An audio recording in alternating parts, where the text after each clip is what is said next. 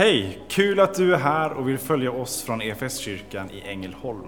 Du kommer nu att få se eller höra en predikan från en av våra gudstjänster. Har du några frågor eller vill veta mer om oss som kyrka så kan du alltid gå in på www.efskyrkan.info. Vill du ha tillgång till mer undervisning eller ta del av våra inspelade konferenser eller gudstjänster gå gärna in på vår Play-kanal, efskyrkan.tv.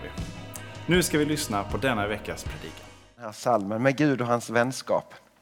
Eh, Rosenius som skrev denna salmen har ju förmedlat otroligt mycket teologi och mycket innehåll och sin erfarenhet av, av vad kristet liv är. Eh, och vem Gud är och vem vi är som församling och som enskilda individer i förhållande till honom, i förhållande till varandra. Eh, men det är i små korta strofer som rymmer så otroligt mycket. De här fyra söndagarna som hänger ihop eh, utgår ju bara från den första strofen som vi påminde oss förra söndagen. Med Gud och hans vänskap, hans ande och ord som vi talade förra veckan om, också idag, om bröders gemenskap. Eller, som jag kanske lite mer rätt skulle säga, syskons gemenskap. Brödrar och systrar. Eh, berörde helt kort att jag tror att Rosenius hade erfarenhet från sitt eget liv vad den kristna gemenskapen betydde. När han gjorde den där erfarenheten, när han saknade den där varma, goa läsargemenskapen som han fick uppleva liksom som ung. Där han fick tillsammans med bröder och systrar läsa ordet tillsammans, få be tillsammans, dela tron, betjäna varandra i sina gåvor och så vidare. Men när han saknade det så, så föddes det ju en troskris och tvivel i hans liv. Det var någonting som saknades. Och då tänker jag när han sen fick liksom göra återupptäckten av, av vad den kristna gemenskapen betydde så tror jag inte det bara var ja, men det var en liten så här mysig gemenskap. Och vi, ja, men då träffas vi och så pratar vi eller liksom en skyddad liten verkstad eller sådär. Utan det går säkert mycket, mycket djupare.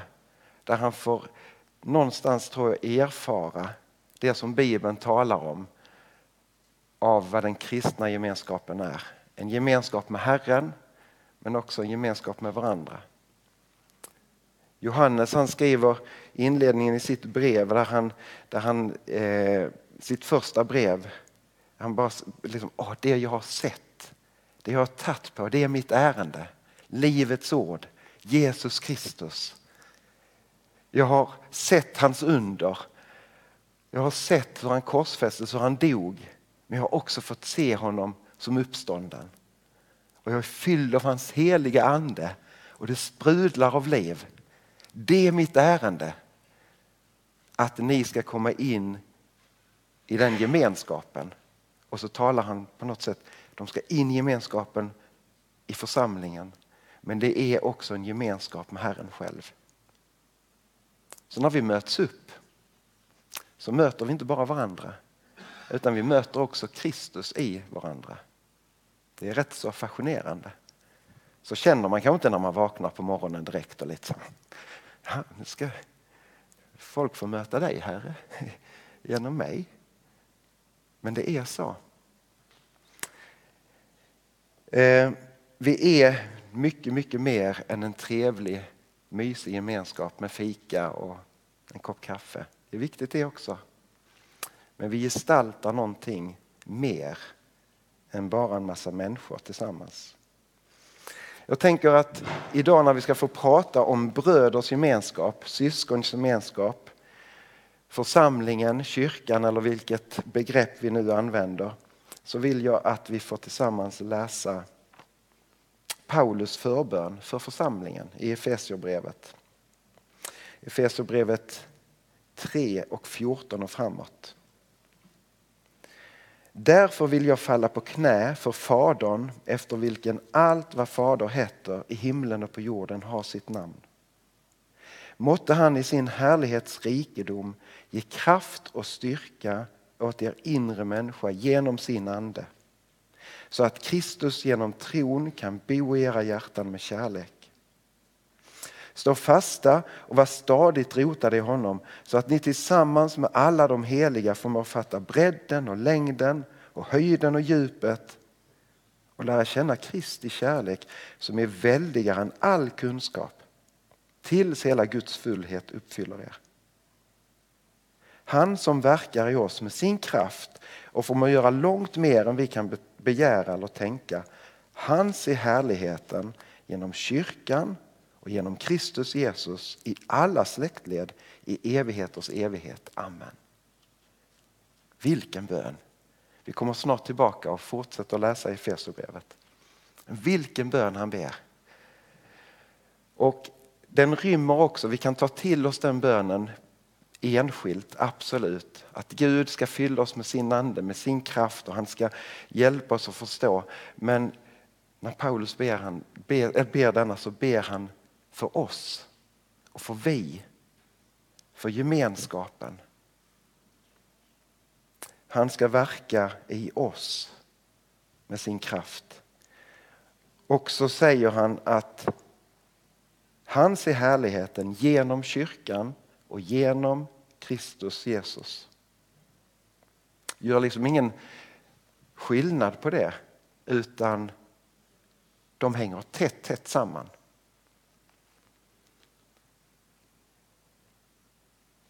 Jag fristilar lite. Paulus han har också erfarenheten av det här. Han som var en förföljare av kyrkan, av de kristna, som hade uppdrag av liksom ledningen i Jerusalem, bege dig ut, förfölj dem som bekänner Jesus som uppstånden. Han stod med när den första martyren fick sätta livet till, när Stefanos stenades. Och så på, när han är på väg till Damaskus med det här uppdraget så får han möta Jesus Kristus i en syn på vägen där.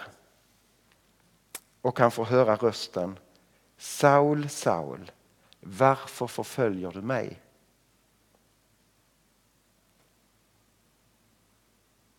Saul tänkte ju att Jesus var död. Han förföljde ju kyrkan, eller de som var på vägen. Men Jesus han säger, varför förföljer du mig? Jesus han på något sätt in, vad ska jag säga, han, han, han är så ett med kyrkan så att han säger, far kyrkan illa så är det jag som får illa. Och detta präglar också Paulus när han, när han undervisar om att, att vi ska få anden och andens gåvor och hur vi ska liksom betjäna varandra så gör han det återkommande, i alla fall på två ställen, i direkt anslutning till undervisningen om församlingen. Hur beskriver han församlingen? Jo, som en kropp. Otroligt bra. Man behöver inte predika för, egentligen om detta för vi fick det gestaltat så tydligt innan söndagsskolan gick iväg. Alla olika delar. Men vi hänger ihop som en kropp.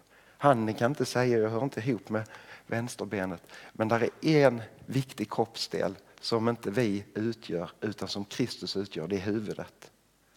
Ingen kropp utan huvud och nästan inget huvud utan kropp. Det går liksom inte att plocka bort.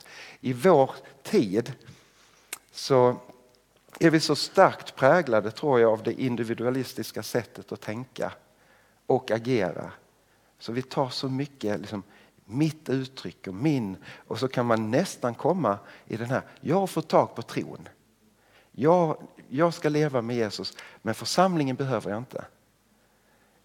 Historiskt sett eller kanske i andra delar av världen som inte är så präglade av det individualistiska sättet att tänka skulle säga, vadå? Leva själv med tron, det kan man väl inte? Du kan inte särskilja Kristus från kroppen, huvudet från kroppen och så vice versa. Så oavsett vi vill eller inte, nu talar jag ut till alla bekännande kristna i hela världen, i alla olika samfund och, sammanhang. Oavsett vi vill det eller inte så hänger vi ihop. Vi ingår i samma bygge. Här inne kan vi sitta, men det är ju härligt. Men vi hänger ihop med den som också kanske tänker eller uttrycker sig på, på ett annat sätt. Eh, Petrus han skriver i första Petrusbrevet så här. När ni kommer till honom, när du kommer till honom, den levande stenen, ratad av människor men utvald av Gud och ärad av honom, då blir också ni till levande stenar i ett andligt husbygge. Ni blir ett heligt prästerskap som kan frambära andliga offer som Gud vill ta emot tack vare Jesus Kristus. Så lite längre fram. Ni är ett utvalt släkte, kungar och präster, ett heligt folk. Guds eget folk som ska förkunna hans storverk. Han har kallat er från mörkret till sitt underbara ljus. Vi är stenar i ett andligt bygge. Vi ingår i den där byggnaden som, som Gud bygger, som vi kan stava på, den världsvida kyrkan. Och vi kan ju tänka så här att vi som kyrka här, lokal församling i Ängelholm, är ju en liten kroppsdel i den där världsvida kyrkan. Så hänger vi ihop med vännerna på Östergatan och vännerna på Vattengatan och allt vad det var nu kyrkorna ligger. Vi är i samma bygge. Oj, kolla! Vilket djur! Guds ord är gott för oss alla. Paulus han skriver, det var väldigt, det här blir intressant. Paulus han skriver fortsatt så här i Efeserbrevet. Jag uppmanar er alltså, jag som är fånge för Herrens skull, att leva värdigt er kallelse, alltid ödmjuka och milda. Ha fördrag med varandra i tålamod och kärlek och sträva efter att med friden som band bevara den andliga enheten. En enda kropp, en enda ande, liksom ni en gång kallades till ett och samma hopp. En i Herren, en i tron, ett i dopet, en är Gud och allas fader. Han som står över allting, verkar genom allt och finns i allt. Och så hoppar vi fram några verser. Låt oss i kärlek hålla fast vid sanningen och växa i alla avseenden så att vi förenas med honom som är huvudet, Kristus. Han låter hela kroppen fogas samman och hållas ihop genom att alla lederna hjälper och stöder med just den kraft han ger åt varje särskild del. Då växer hela kroppen till och byggs upp i kärlek. Vi bygger någonting tillsammans. Vi gestaltar någonting tillsammans. Men det är inte vi som bygger. Vad sa Paulus? Han som verkar i oss med sin kraft.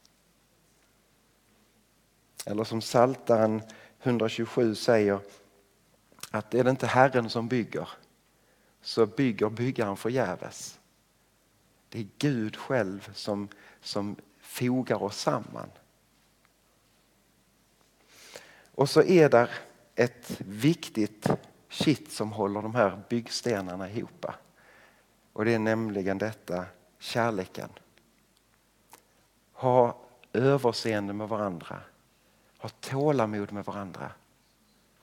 Vi behöver det. Vet ni vad, ibland så tänker jag så här. Min erfarenhet i många sammanhang, bara för att jag är en del av sammanhanget, tänker jag ibland. Så är det nästan som man skulle säga, där en eller två eller två eller tre är församlade, där blir det förr eller senare fel.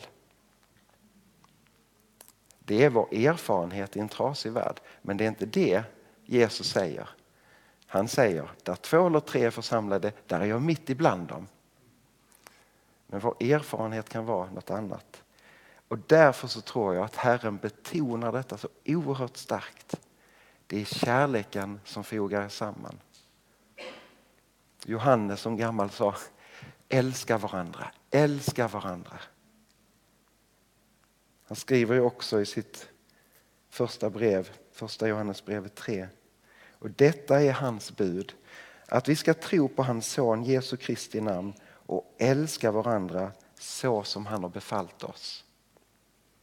Älska varandra, det gör att många synder blir förlåtna och så vidare. Bibeln är supertydlig med det här. Rosenius han skriver något lite kort om detta.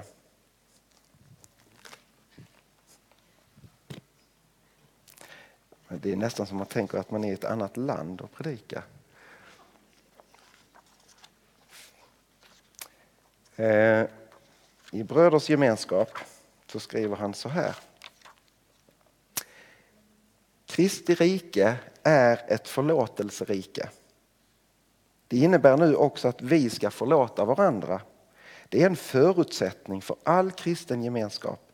Vi vet att summan av lagen är kärleken. Den som älskar sin nästa har uppfyllt lagens krav, säger Paulus. Ty buden, du ska inte begå äktenskapsbrott, du ska inte dräpa, du ska inte stjäla, du ska inte begära och vilket annat bud som helst, de sammanfattas alla i denna enda regel. Du ska älska din nästa som dig själv. Kärleken kan inte tillfoga nästan något ont. Alltså är kärlekens lag, kärleken lagens uppfyllelse. Så långt Paulus i Romarbrevet.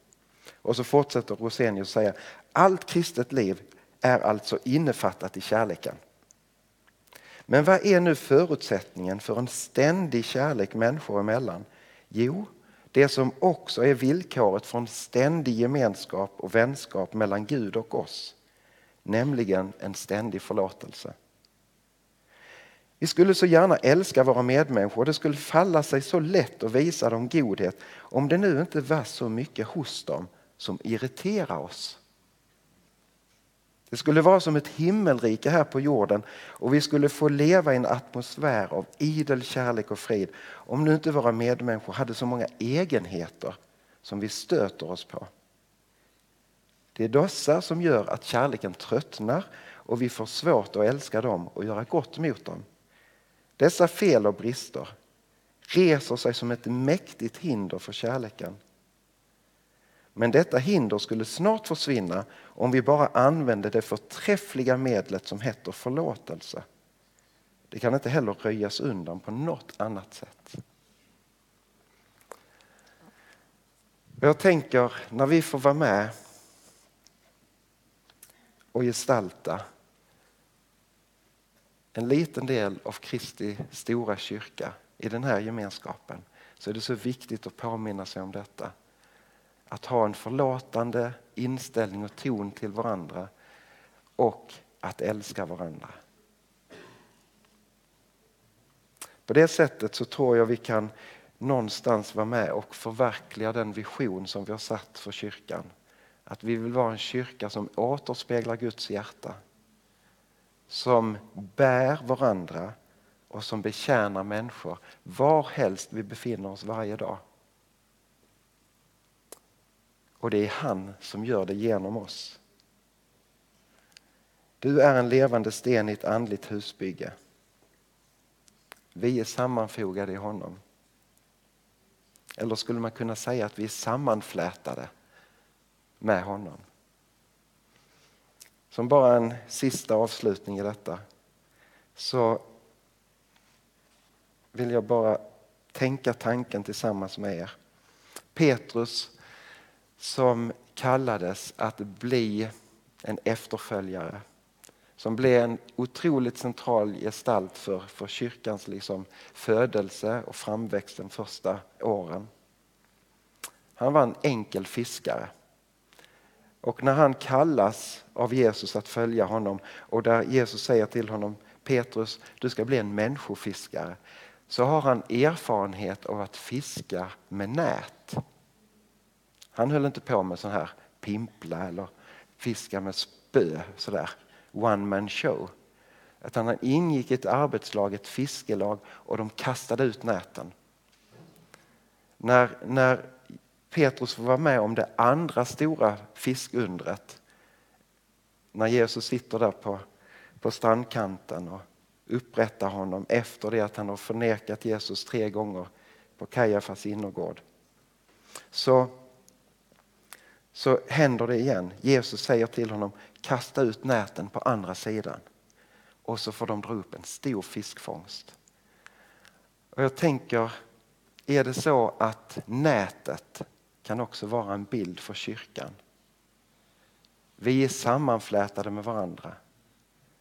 Visionen säger att vi ska få återspegla Guds hjärta var helst vi befinner oss var dag. Men när du är på ditt jobb eller i ditt hem eller vad det nu än är och man kan tänka, och jag går ensam här. Eller, ja visst jag har den heliga ande men oh, om jag hade haft mina syskon här. Jag vill tänka så här, när vi firar gudstjänst och när vi samlas gemensamt, då är det som att vi samlar in ett nät. Kommer inte med en massa fiskespö och ställer här. Hur gick det för ditt fiskeri? Nej, vi är ett nät. Vi hör ihop i Kristus också i vardagen. Och så är det som att när vi bryter upp här i eftermiddag så är det som att Herren bara kastar ut ett nät och så landar det på alla de platser där vi är. Där vi får vara Guds ambassadörer. Där vi får älska människor fram till Jesus. Kanske. Så hovar vi in. Kanske det kommer någon annan liten ny fiskefluring med in i nätet. Och så får det pågå om och om, om igen. Och också där vi får tänka på vår lilla gemenskap här att det är också ett nät som hänger ihop med alla de andra kyrkorna i den här stan, i det här landet, över den här jorden som ständigt kastas ut. För Gud är intresserad. Jag har en kallelse att vara människofiskare precis som Petrus. Men fiska inte med spö. Låt oss vara ett gemensamt nät. Vet ni vad? Kyrkan är kanske ändå trots allt världens hopp. Varför det? Jo, för att Kristus är huvudet och det är honom vi gestaltar. Ska vi be tillsammans? Kära himmelske far, vi tackar dig för att du har tålamod med oss. Att din förlåtelse den omsluter oss helt. Enskilt och gemensamt. Men vi ber Herre om nåden att vi också skulle ha tålamod med varandra. Där det skaver, där det gnager. Herre, hjälp oss att möta de situationerna och möta varandra med kärlek och med förlåtelse. Och vi ber dig Herre, låt oss vara ett folk som ger kärlek vidare. Ge mig, ge oss kärlek och ett hjärta som är stort. Som kan visa på din kärlek för vår jord. Som du gav din son. Lär oss att älska med en öppen famn som du. Med kärlek som gör alla gränser suddas ut. Tänd lågan så starkt så att alla ser att du finns här. Och Gud, låt mitt leende få berätta vem du är. Som kyrka är det en glädje att få spela en liten roll av allt Gud gör i och genom ditt liv. Vi vill gärna fortsätta följa dig på den resan. Och vill du ta reda på vad ditt nästa steg kan vara på din resa med Gud så gå in på efskyrkan.info nästa steg. Vår längtan är att få se människor och samhällen förvandlade av Jesus. Genom en kyrka som återspeglar Guds hjärta, bär varandra och betjänar människor varhelst vi befinner oss varje